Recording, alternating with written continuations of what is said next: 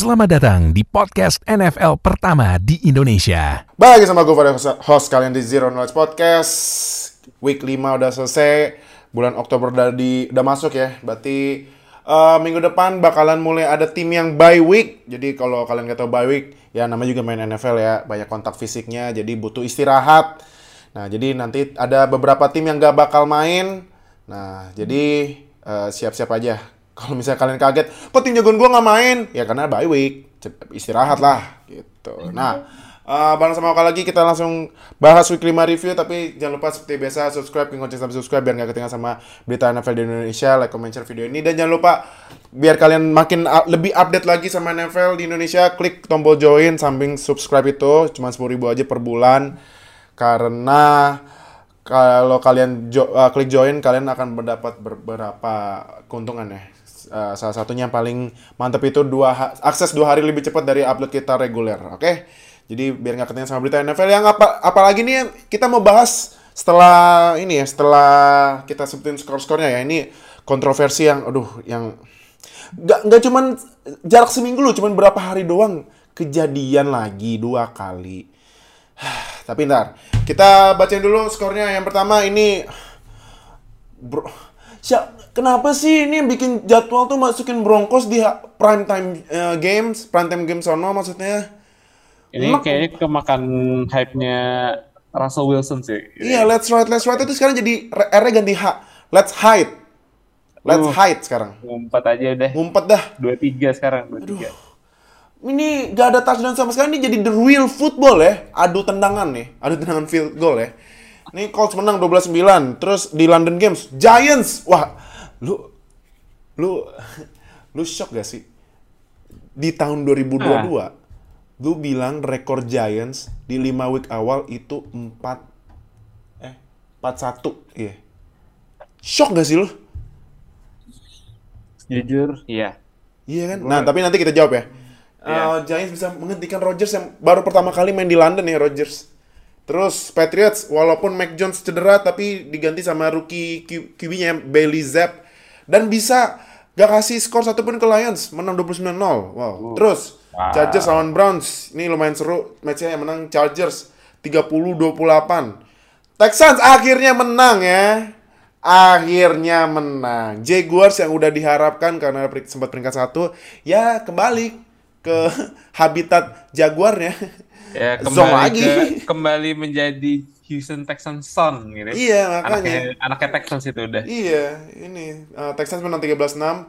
Bahkan sama Falcons 21-15. Ini nanti kita mau ada yang mau kita bahas dikit ya karena ada kontroversi yang sangat-sangat menggerakkan fans NFL. Tapi nanti habis nih ya. Bahkan menang 21-15. Steelers adalah tanking season, uh, tanking, tanking. Tanking yuk, tanking. Ya, udah tanking lah. Gila cuma 3 poin loh lawan Bills. Bills. Bills drive pertamanya langsung 58 yards touchdown loh. Passing dari Josh Allen ke Gabe Davis dan gua bench Gabe Davis di fantasy. Mantap. Dan gua ngelawan Gabe Davis di fantasy. Nah, mantap. Makin mantap. Double mantap deh. Deh, kelar. Bills aduh gila 38-3 loh. 3 doang Steelers. Ya udahlah. Gua udah bingung lagi mau ngomong apa. Terus Jets lawan Dolphins ini sebagai ini ya, ini catatan dulu ya. Tapi nanti kita bahas juga. 40-17 pasti lu kagetin. Kok Jets bisa 40 nanti kita jelasin ya. Karena itu ditanya di mulai kita bahasnya cuma mall yang ditanya sama mall aja ya. Vikings lawan Bears menang Vikings 29-22 wah ini Vikings harus diperhitungkan ya. Jadi bagus. Kirk Cousins gila lu uh, baru main 13 udah di, komplit. udah, dibil udah dibilangin deal lo harus uh, kalau Minnesota Vikings bisa masuk playoff jangan pernah naruh mereka di prime time. Nah iya sih iya sih. Bener bener bener bener bener bener karena tuh Cousins pas main sempet 13 kali lempar komplit semua. Justin oh. Jefferson baru babak pertama, babak kuartal pertama udah 10 kali nangkep. Gila ya. Eh babak pertama uh, kuartal pertama gue lupa, tapi udah 10 kali nangkep. Buset dah. Terus Titans lawan Commanders menang Titans 21-17. Nih ya gitulah habis itu uh, sempat pelatihnya Commanders ditanya kan, Kenapa Commanders jaraknya jauh banget dibanding tiga tim uh, lawannya di NFC East? Jawabannya cuma satu, QB. Wow. Wah. Wow. Udah, udah dilempar nih. ke bawah bis ini. Udah Waduh. Dibuang ini, ini kayaknya udah. tidak ada optimisme sama sekali terhadap Iya, QB-nya. waduh, nih apakah Commanders tahun depan akan menjadi salah satu tim yang akan rebutan uh, si Stroud atau Bryce Young? Kita lihat aja ya. Nah, terus Saints and Seahawks nih pertandingan seru banget sih. Ini seru banget, seru banget. 39-32, apalagi Taysom Hill jadi kembali jadi Swiss Army knife ya. Rushing Iya. touchdown iya. Passing touchdown nggak salah iya ya? Eh, passing touchdown kayaknya enggak, cuma Nggak, oh, passing receiving touchdown ya kalau salah ya? I receiving. Iya, terus sempat ngeblok pan. Udah lah itu aja semuanya deh Taysom Hill, buset dah. Udah hari-hari emang Taysom Hill. Terus 49ers eh, ngalahin Panthers 37-15 dan breaking news akhirnya ada pelatih pertama yang dipecat musim 2022 Panthers resmi memecat Matt Rule. Dan abis rekornya 1-4 dan rekor keseluruhannya selama dia ngelatih di Panthers 11-27. Ya Allah. 11 Oh, menang, 27 wow. kali kalah. That's bad. Dan gitu katanya eh, setelah dipecat itu Panthers masih ada utang buat bayar gaji ke Metro nggak berapa? ya? 40 juta dolar. Dolar. Wow. Gila nggak tuh? Nih ya, gue sempet gue sempet nge-share tadi pas kita eh, ini pas kita mau rekaman. Ya. Ini katanya eh, Metro akan dapat 834.000 dolar per bulan selama empat tahun ke depan cuma eh, nontonin di sofanya aja karena Damn. kontrak bombastis sama Panthers. Gila ya. Damn, damn. Gitu. Ah, Lagian gue juga sebenarnya nggak pernah percaya sih kalau ko- pelatih college naik ke NFL sih. Ya contohnya yang paling deket kemarin kan Urban Meyer dipecat dari Jaguars kan. Ah. Duh, kocak dah. Jadi jadi itu pelatih pertama. Nah, mau bahas dikit dikit. Menurut tuh siapa pelatih selanjutnya yang bakal dipecat? Dari eh pekan terakhir, uh, hmm, Siapa ya? gue masih belum terlalu yakin, tapi ada kemungkinan Ron Rivera bakal on the hot seat. Ron Rivera pelatihnya Commanders ya. Ron Rivera, Mhm. terus juga mungkin sekarang kayak Arthur Smith dari pelatihnya Falcons juga ada kemungkinan juga. Mhm. Hmm, Mike sisa- Tomlin. Oh. Oh, dia akan cari cara untuk dapat kembali jadi 500 tim lagi sih. Iya. Gue gue masih yakin. Kalau kalau Steelers mah cuma satu aja, simple tugasnya. Pecat Matt Canada udah offensive coordinator, coordinator yang kayak badut tuh. Play nice. callingnya. Eh, Coba, sisanya sih gue masih belum lihat eh bakal dipecat musim ini. Beberapa pelatih yang mungkin agak mencurigakan nih, agak sus kayak Josh McDaniels, Nathaniel, terus eh gue nggak tahu kalau Doug Peters sih, tapi masih kayaknya masih terlalu dini. Josh Mc, iya Josh McDaniels menurut lu gimana nih Josh McDaniels? Ah tapi Josh McDaniels, McDaniels nanti aja ya, nanti aja ya. Nanti aja kita bahas ya. Prob- probably yang paling agak intriguing sih Pete Carroll. Pete Carroll ya. Mungkin, bukan karena dia dipecat tapi karena dia resign karena mungkin ya udah umur ya. Iya, udah umur ya. Dia, dia pelatih Udah- tertua saat ini. Umurnya udah berapa? 72 ya? Dia dia lebih tua dari Belichick soalnya. Gila. Dan ya itulah. Tapi kemungkinan paling saat ini yang paling mungkin setelah Metro adalah Ron Rivera Ron Rivera Commanders ya? Commanders. Oke oke. Oke. Next, ini Eagles lawan Cardinals. Yang menang Eagles 27-11. Gila, Eagles masih unbeaten loh. 5-0. Gila ya. Terus Cowboys lawan Rams yang menang Cowboys 22-10. Cooper Rush 5-0 jadi starter. Masih yakin nge-start Dak? Pak Jerry. Yakin gak sih? Pak Jerry masih masih yakin tuh nge-start Dak. Ini Cooper Rush 5-0 loh. Nah.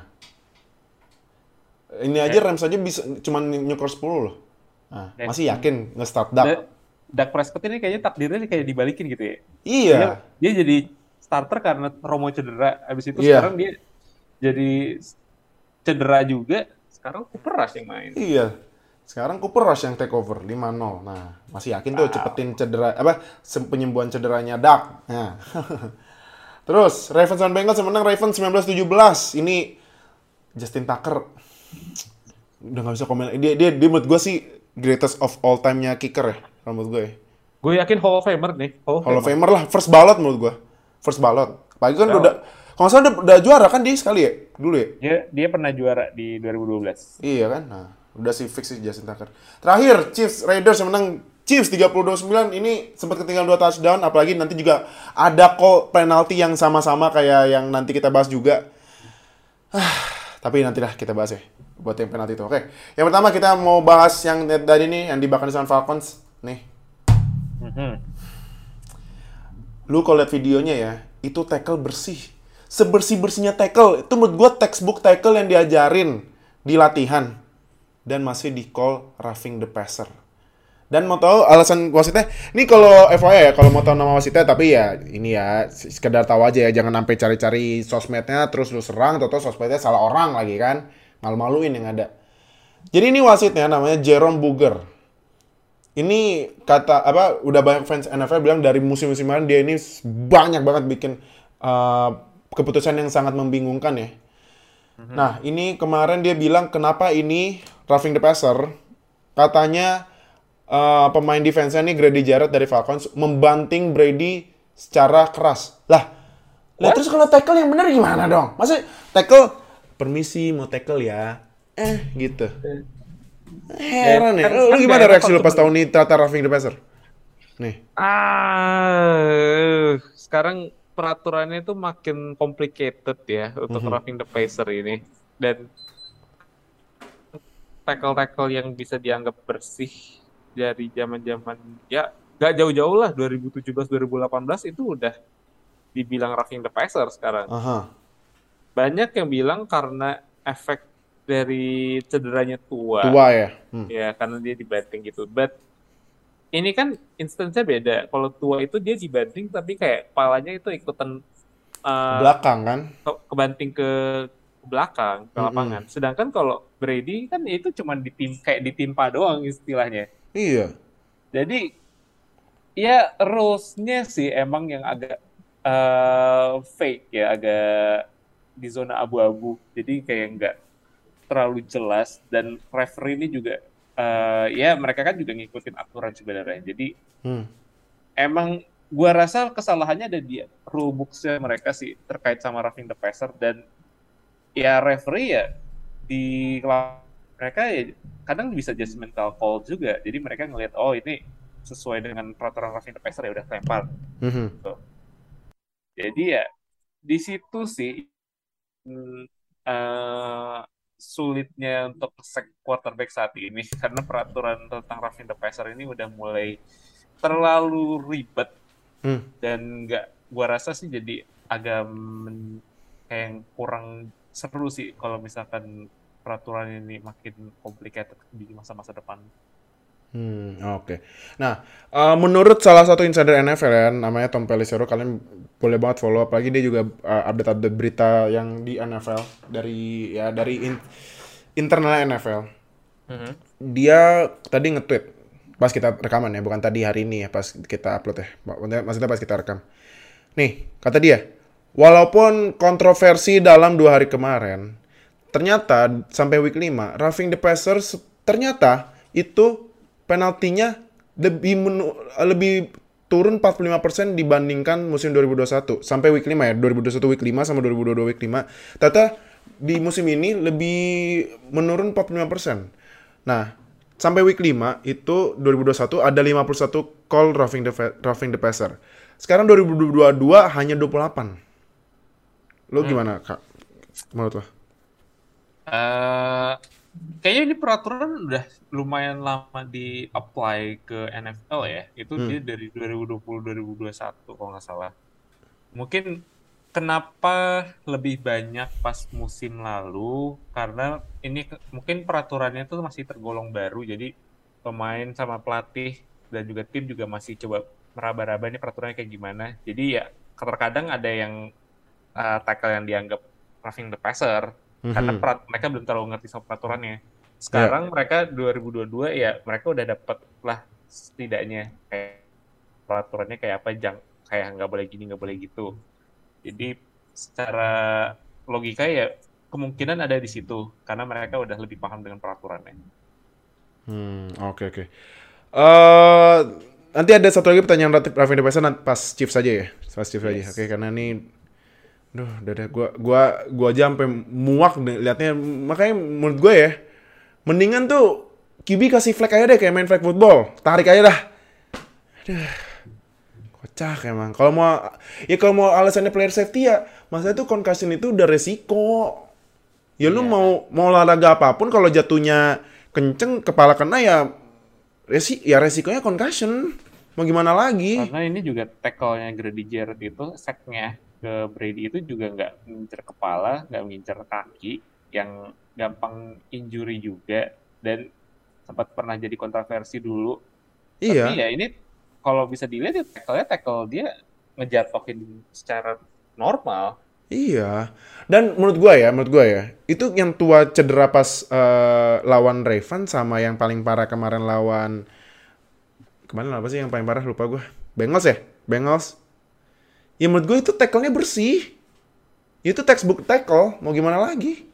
Iya. Masa tackle-nya mesti diatur lagi kayak gimana? Ntar kalau misalnya ternyata ada tackle yang udah diatur, pemain defense udah ngikutin, tahu ada yang miss sama ref, ya netizen ngomel-ngomel lagi. Ya kan? Iya. Jadi ya, aduh, udah pusing gua sama roughing the passer. Kirain gua uh, pas interference, ya pas menurut gua pas interference, pas interference sekarang udah mulai min- minimal minum ya kesalahannya. Sekarang roughing the passer loh. Jadi ya udahlah. Ntar semoga deh eh, itu apa officiatingnya NFL benerin lagi deh. Ah, Ampun. Terus kita mulai review ya. Pertama nih. Nah, ini nih. Oh ya, sekedar, sekedar FYI ya. Nanti di week 6 Broncos bakal main di prime time lagi. Aduh, Gua gua pas aja lu tuh mau muntah gua sama dah. Mau muntah. Bener. Aduh, Broncos Broncos sih masanya udah main 3 prime time. Mainnya hancur. Aduh. Eh, jadi ah kalau lu nonton kemarin nih, ini nih ya kalau menurut gua nih ya pertandingan eh pertandingannya Broncos lawan Colts ini buat menguji kesehatan mental lu tuh nggak? Muak gua nontonnya sumpah. ditinggalin ditinggalin bagus, gak ditinggalin ya udahlah. Apalagi sampai penontonnya Broncos pergi dari lapangan kan uh, kebanyakan gara uh, bahkan sebelum overtime mulai dan ya ternyata di overtime-nya juga uh, Russell Wilson-nya ter- kena ini apa eh, nggak mau ngulangin kesalahan yang pas di Super Bowl 49 ternyata Wah, wide open. Sampai receivernya ngamuk banting-banting helm. Tapi kalau menurut lu deh ini overall deh overall aja. Karena ini buat pertandingan bikin muntah lu nontonnya? Menurut lu nih pertandingannya gimana? Gak worth it untuk ditonton, seriusan. nggak worth it ya? Kalau- iya Kalau makanya. misalkan lu ngerekomen kayak fans baru untuk nonton NFL buat nontonin satu pertandingan NFL, lu jangan pernah ngasih rekomen pertandingannya Denver Broncos. ah itu Super bener ya. banget Untuk eh Russell Wilson doesn't work for now ya, for Mhm. now. Karena ekspektasinya kan dia bakal sama kayak di Seattle, bakal yang kayak let Russ cook Mhm. zaman-zaman itu kan.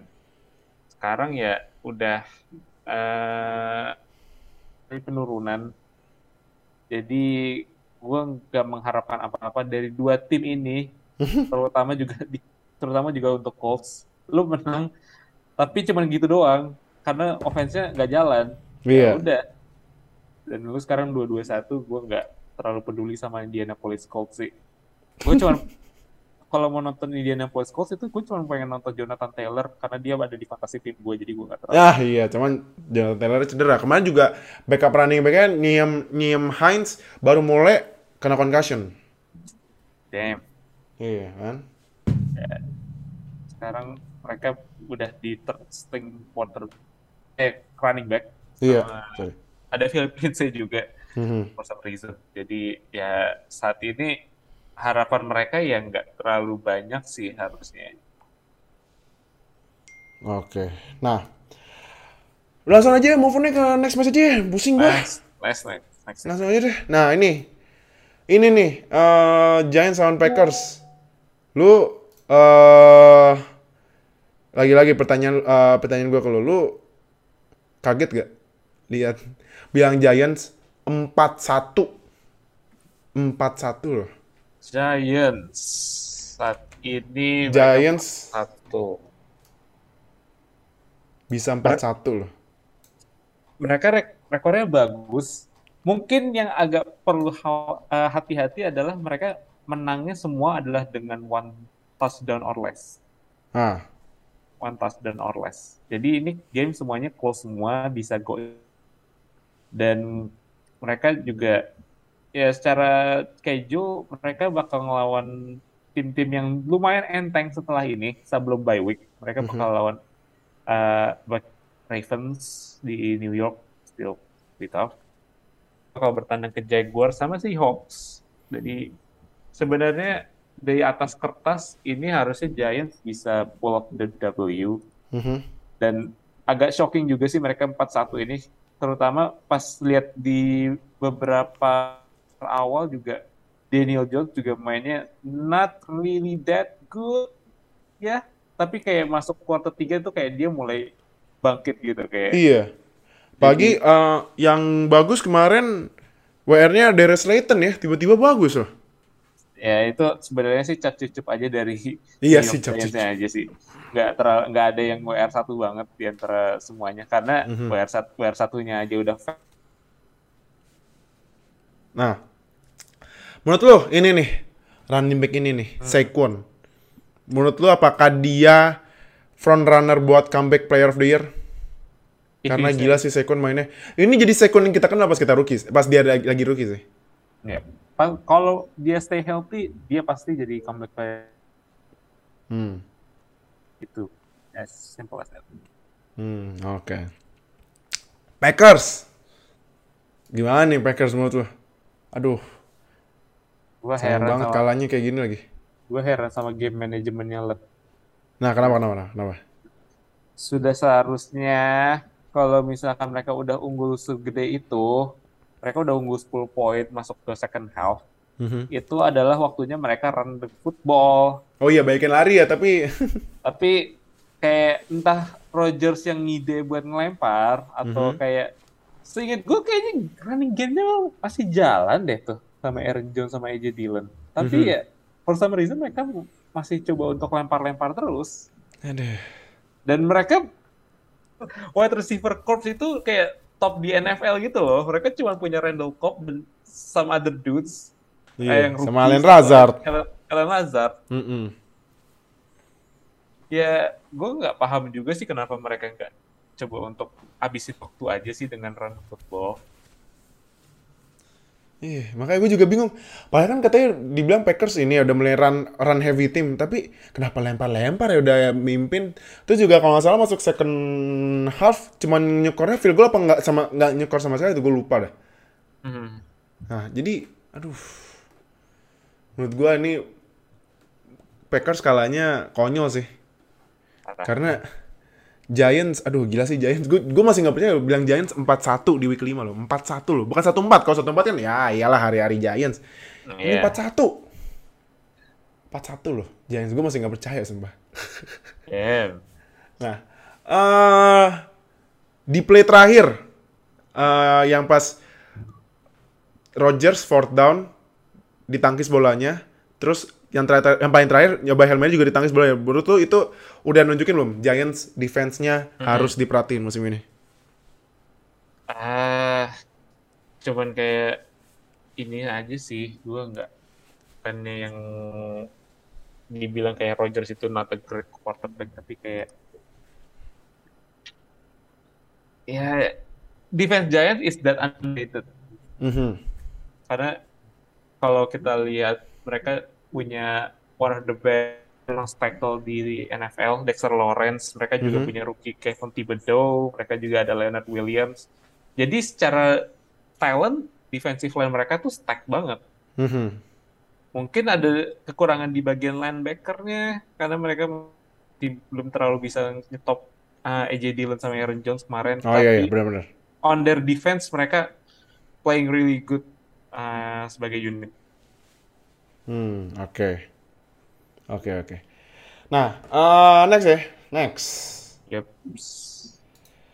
Ini Dolphins lawan Jets. Jets ngebantai Dolphins 17 tapi gue kasih tau dulu ya. Tua kan cedera. Yang main yang main kan gantiin uh, J- Terry Bridgewater. Terry Bridgewater juga cedera dan kena concussion. Aduh. Jadi banget. diganti sama rukinya nih yang di seven kalau nggak salah round ke-7 ya. Apa round ke-6 gue lupa. Skylar Thompson. Ini rookie QB-nya nih. Nah, jadi Pertanya- pertanyaan kita tentang Skylar Thompson adalah who? Ya, wuh. Nah, kayak Snoop Dogg ya di meme-nya. Wuh. Nah. Ah, tapi gue mau bahas ke Jets dulu deh. Menurut tuh nih rookie kelasnya Jets nih terbaik gak sih? Apa eh, setelah pas selama musim ya, selama musim ya kan kalau di pas draft kan kita sempat bilang rookie-nya Jets itu salah satu yang picknya ter- terbaik ya.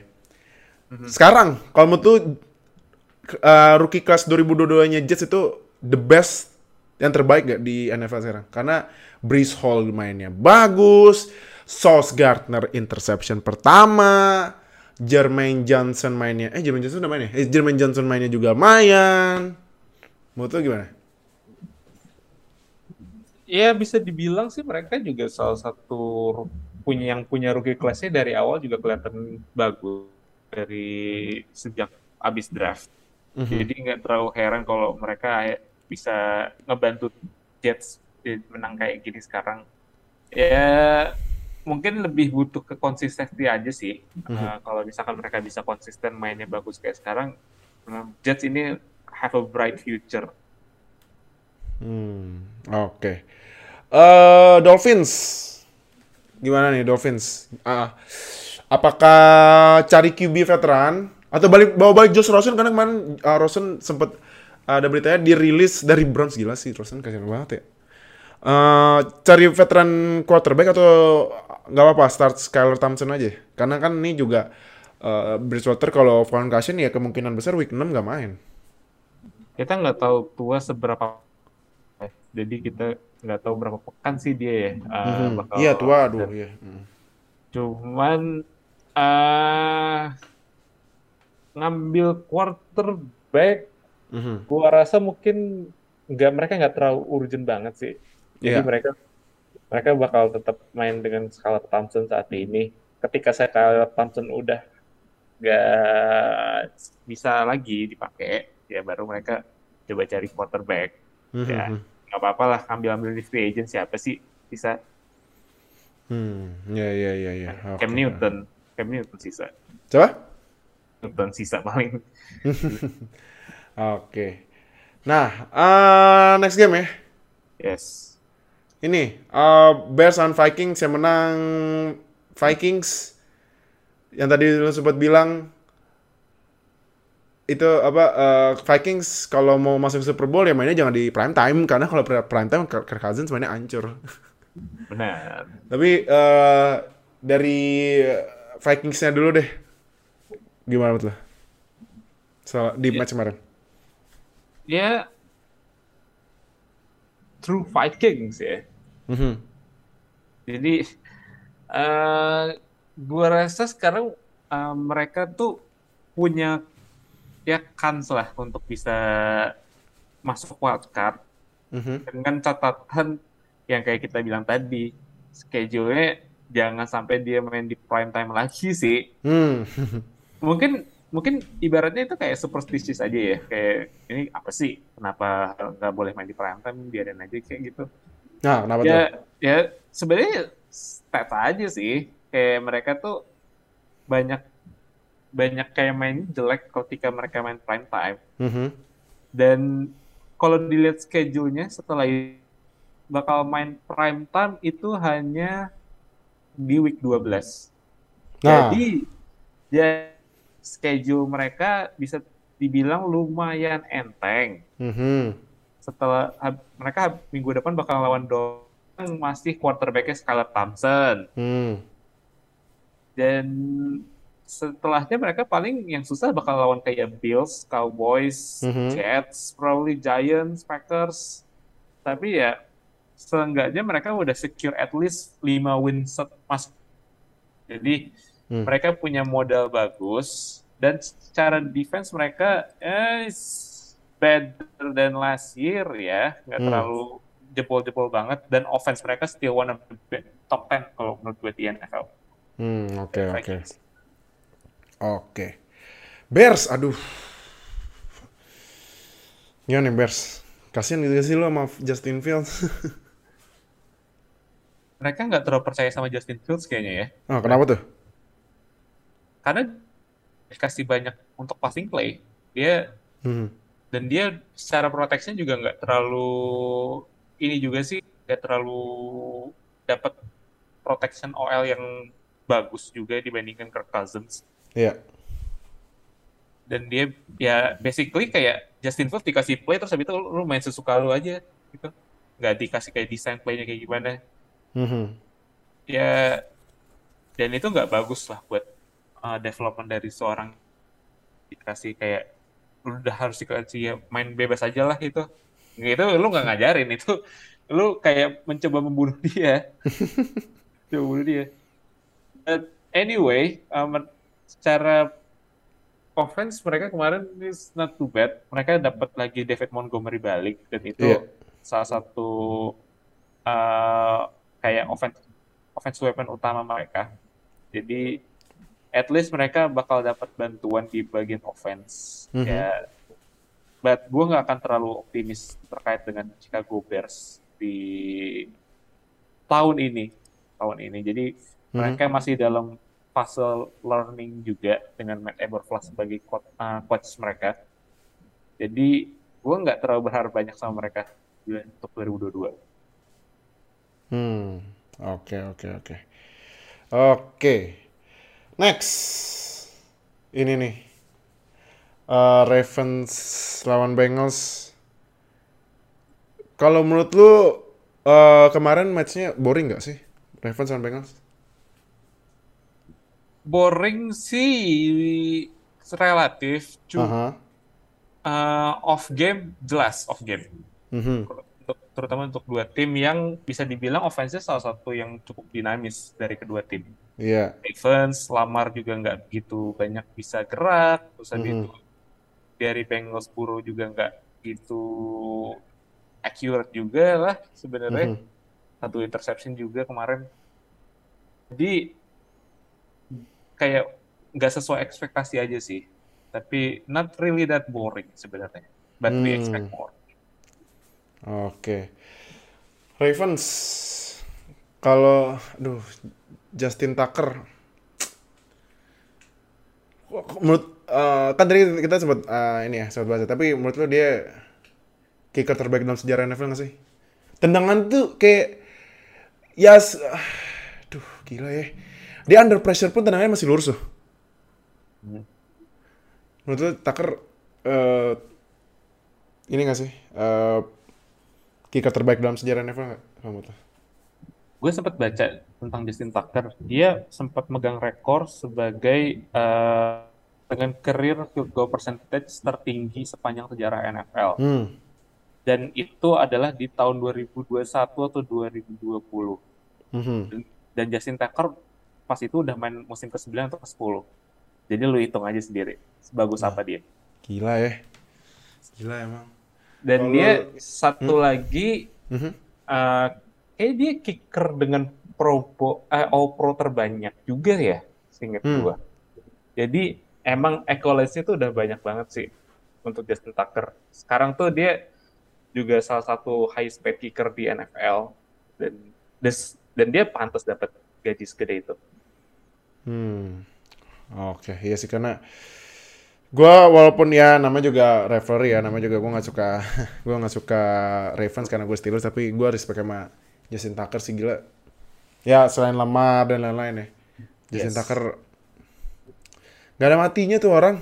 Kalaupun ya miss ya missnya juga jarang banget masalahnya. Missnya tuh bener jarang. Jadi ya yang nggak salah dia jadi kicker termahal di NFL kan. Hmm, benar. Gitu. Nah, terakhir. Nih.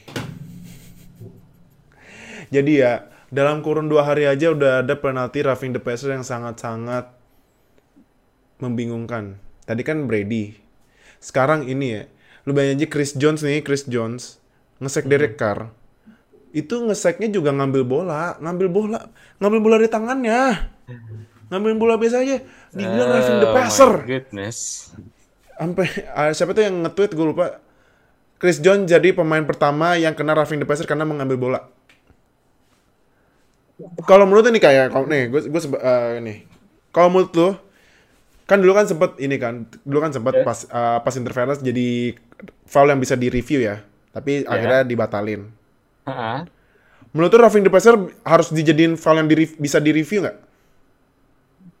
Hmm, sekarang tuh foul yang bisa di review tuh apa ya?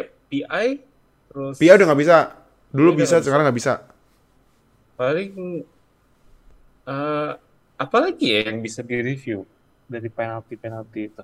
kayaknya penalti sekarang nggak ada yang bisa di review deh Kalau misalkan kesalahannya apa kayak sesuatu yang bisa dibilang bad calls-nya bisa sebanyak itu sih mungkin akan jadi sesuatu yang bisa di review Mhm. di beberapa pekan ke depan. Karena seharusnya sih ini peraturan masih bisa bi- diupdate setiap saat tergantung kebutuhan. Mhm. Dan ini ya uh, sekarang udah mulai banyak yang bisa dibilang bad calls juga sih. Tergant makanya tadi gue juga bilang pas awal-awal tuh, tergantung peraturannya aja. Peraturannya tuh mendefinisikan roughing the passer tuh kayak apa. iya Nah ini kayaknya nih definisinya nggak jelas. Jadi ya itu yang harus dibenerin sama NFL dan diskusi sama NFLPA tentang roughing the passer tuh mending kayak gimana. Mhm. Iya. Ini juga gue sempat eh, baru banget nemu nih. Ini artikel di 2021 ya. Yes.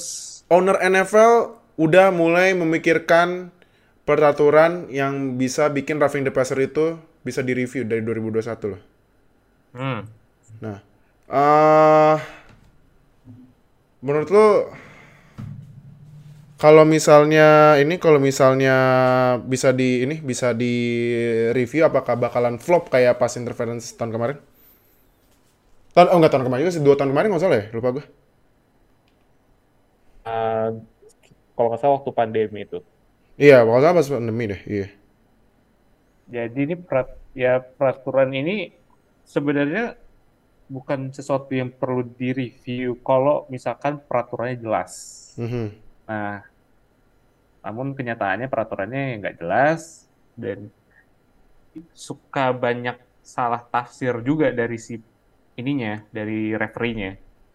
Jadi ya referee kan juga ya gue nggak mau bilang mereka tim yang mereka dukung ya kayak di NBA itu ada Mhm. tapi terkadang suka agak terlalu mencurigakan aja sih.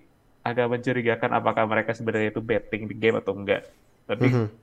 daripada kita asumsi yang nggak jelas kayak gitu, mendingan uh, rulebook-nya itu yang tentang roughing the passer tuh mending dibenerin aja sih. Karena ini ter- udah uh, terlanjur kayak dan banyak orang yang udah mulai ini apa teriak-teriak nih kayak ini bisa harus bisa direview, ini enggak, ini enggak Iya. bisa. Dan ini juga berlaku untuk penalti beberapa penalti yang lain, terutama PI. Karena PI adalah pelanggaran yang paling merugikan defense. Kalau misalkan, nah, Itu benar, benar, benar, benar banget, benar. jadi, jadi, um, kalau misalkan ada peratur, ada pelanggaran yang bisa di review sama NFL, Mhm. adalah dua itu, roughing the passer sama pass interference. Ada evidence ya. Hmm, oke oke. Nah, eh buat ngomongin roughing the passer nih, gua kasih lihat ini ya dari website ya nih, ntar nih website nih. Nah, Yes. ini nih. Ini dari NFL. Sebentar, gua itu. Mhm. Nah, jadi di j- jadi di ininya di peraturan resminya itu Mhm. eh roughing the passer, oke. Rule 12 section 2 artikel 11. Hmm. Eh, dikarenakan oleh eh dikarenakan kalau lagi passing kan. Jadi seringnya kan quarterback itu atau siapa pun yang bikin passing itu di mana eh, di posisi di mana dia bakalan eh, rentan buat cedera. Jadi ada special rules buat itu namanya roughing the passer. Oke. Jadi wasit punya eh, kewajib punya tanggung jawab untuk kasih peraturan eh, kasih peraturan itu ya. Nah, ini nih. Ini, ini nih yang gua mau note nih. Apa pun eh ini ya kontak fisik terhadap pemain yang lagi passing posture. Jadi kan jadi nih example sebelum sebelum kan berarti udah kayak gini kan. Iya. During kan berarti lagi gini. Mm-mm. After kan berarti kan bola udah lepas kan. Nah, Iya. yang nih ada yang harus diingat nih. Dalam pandangan eh dalam ini, dalam keputusan wasit nih, in the referee's judgment. Itu eh, nggak ini, nggak sesuai sama peraturan, bakal makanya di, di call foul. Nah, terus yang pertama, the passer akan di call kalau nih saat pass rusher udah tahu bolanya udah lepas dari tangan sebelum kontak dibuat. Pass Oke. rusher harus bertanggung jawab eh harus bertanggung jawab eh, tahu di mana posisi bolanya itu. Nah, referee akan menggunakan eh, re- release ball itu dari apa lepasnya bola itu dari tangan QB atau yang passing itu sebagai pad- apa petunjuknya, pedomannya gitu. Nah, Oke. ini kan berarti intinya ah itu eh, ya pass rusher harus tahu dong bolanya udah lepas ya kan. Jadi in- eh, pas bola lepas ya dia harus sendiri ngerem ya kan. Yang kedua, ini eh nih, ini yang kedua eh, pass rusher itu such intimidating and punishing acts as stuffing a passer into the ground. Biar dia tuh maksudnya stuffing tuh kayaknya ini ya, niban gitu ya, nge-stuff. dibanding- Iya. Atau eh ini melakukan eh, gerakan wrestling. Mungkin dibanting sampai Iya. wow gitu kan kayak Yang zaman dulu. Gini, Atau eh pas abis dia lempar bola, dia tuh kayak nge-tackle atau ngedorong sampai eh, pemain apa QB-nya jatuh. Bahkan saat pass rusher itu membuat kontak dengan eh, QB-nya eh, the ya itulah pokoknya. Jadi intinya tuh ada gerakan dari pass rusher yang ini lah apa? eh yang berlebihan gitu setelah bola lepas. Oke. Nah, in covering the passer position, referees will be particularly alert to fouls. Nah, jadi eh no, eh, pemain defense harus dila, di- tidak dibolehkan menggunakan helm ke eh, QB yang lagi posturnya gak ini, gak def- yang lagi defenseless. Oke deal, oke deal. Uh, Nah. ya, at, least kita udah tahu gambar beberapa gambaran apa yang Iya. bisa didefinisikan. Pokoknya nih kalau kalian nonton podcastnya nih ada peraturan nih banyak ya. Ya. Ah, oke. Eh, tentang peraturan itu, gue bukan orang yang melek tentang legal Mhm. atau hukum-hukum gitu atau kayak peraturan-peraturan. Bahkan buat orang legal pun mungkin ini ini kayak peraturan ini that's too much gitu. Terlalu Ya. banyak definisi yang kayak nggak perlu didefi nggak perlu bisa dibilang roughing the passer sebenarnya kayak mereka bisa simplify peraturannya jadi lebih uh, pendek dan itu lo jadi bisa untuk mendefinisikannya lebih gampang Mhm. but in the end uh, roughing the passer yang di call kemarin sama Chris Jones sama kemarin juga Grady Jarrett, sempat ada Grady Jarrett juga. Itu masuk ke definisi mereka sebenarnya. Itu masuk ke definisi mereka tadi. Tapi ya bisa dibilang sekarang itu jadi mempersulit di uh, edge rusher terutama untuk Mhm. nge quarterback. Nah, Karena- itu makanya. Kar- karena cara mereka tuh untuk nge quarterback jadi lebih sedikit Iya. karena ada peraturan itu. Jadi ya dari kalau misalkan alasannya untuk melindungi si quarterback, well the injury risk selalu ada gitu. Bahkan Pasti. dengan ada injury ini aja, Tua masih cedera loh. Tua cedera, Bridgewater cedera. Terus Mhm. habis itu beberapa quarterback lainnya juga sempat ada yang kena concussion juga Iya. dan kemarin juga uh, Daniel Jones di London game kemarin lawan Packers juga berapa kali kena hit. Iya. Jadi alasan itu terlalu banyak alasan tentang melindungi quarterback itu sebenarnya is a lot of bullshit sebenarnya. Gue nggak terlalu gue nggak terlalu percaya sama alasan mereka karena itu. Iya. Ya jadi sekarang ya yang bisa dilakuin NFLPA sekarang ya kayak lebih mencoba mendorong NFL supaya mem- merevisi peraturannya tadi. Jadi lebih simpel. Jadi kayak cukup ini ini ini udah nggak perlu kayak harus ini, harus itu, harus ini, harus itu. Itu Mhm. terlalu terlalu banyak yang harus dicerna sama ref dan itu referee juga uh, mereka bisa bikin keputusan yang salah karena peraturannya nggak jelas kayak gitu. Hmm, oke oke oke. Makanya ya pasti ya kayak tadi kan sempat bilang nih roughing the passer mulai banyak kayak gitu karena ya dari kasusnya tua ya. Cuman yang gue bilang lagi, gue gue gue gue bilang lagi nih berkali-kali ya. Itu tackle-nya tu tackle-nya ketua itu tackle bersih. Nggak nggak pakai nggak pakai helm, nggak di apa nggak sampai di tiban atau apa enggak itu tackle-nya bersih.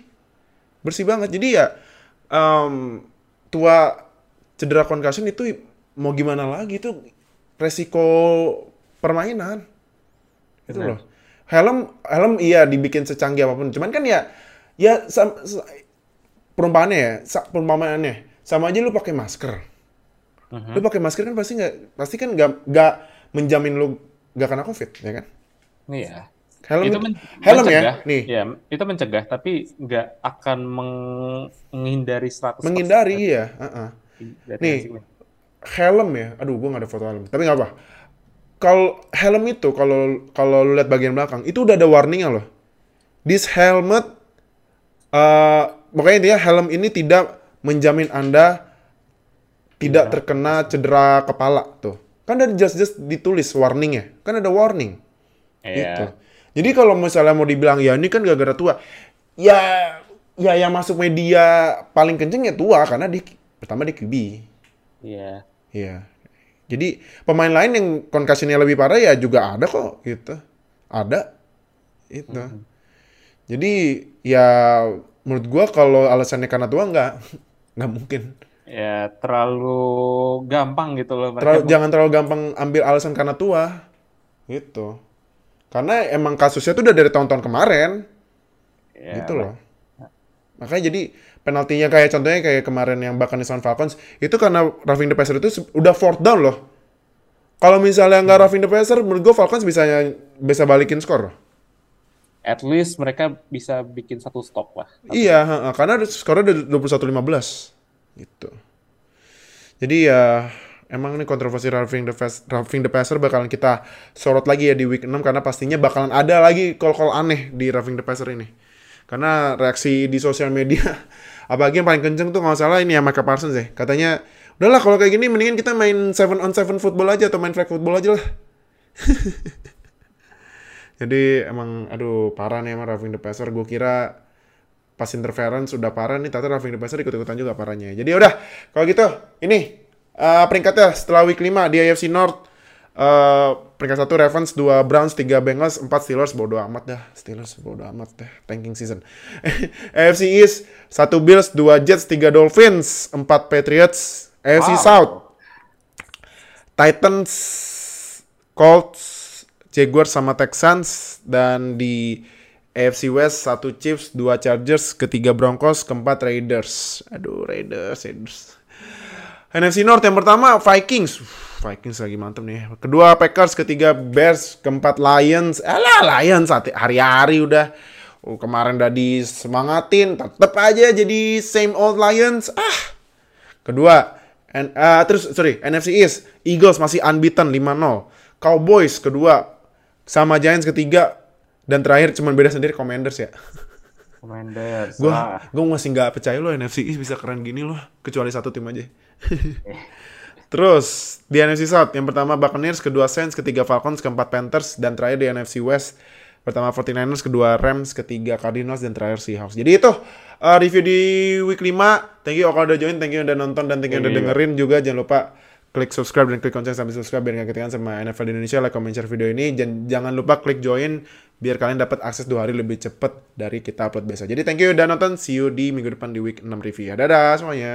Bye-bye everyone. Terima kasih telah mendengarkan podcast NFL pertama di Indonesia. Sampai jumpa di podcast edisi selanjutnya.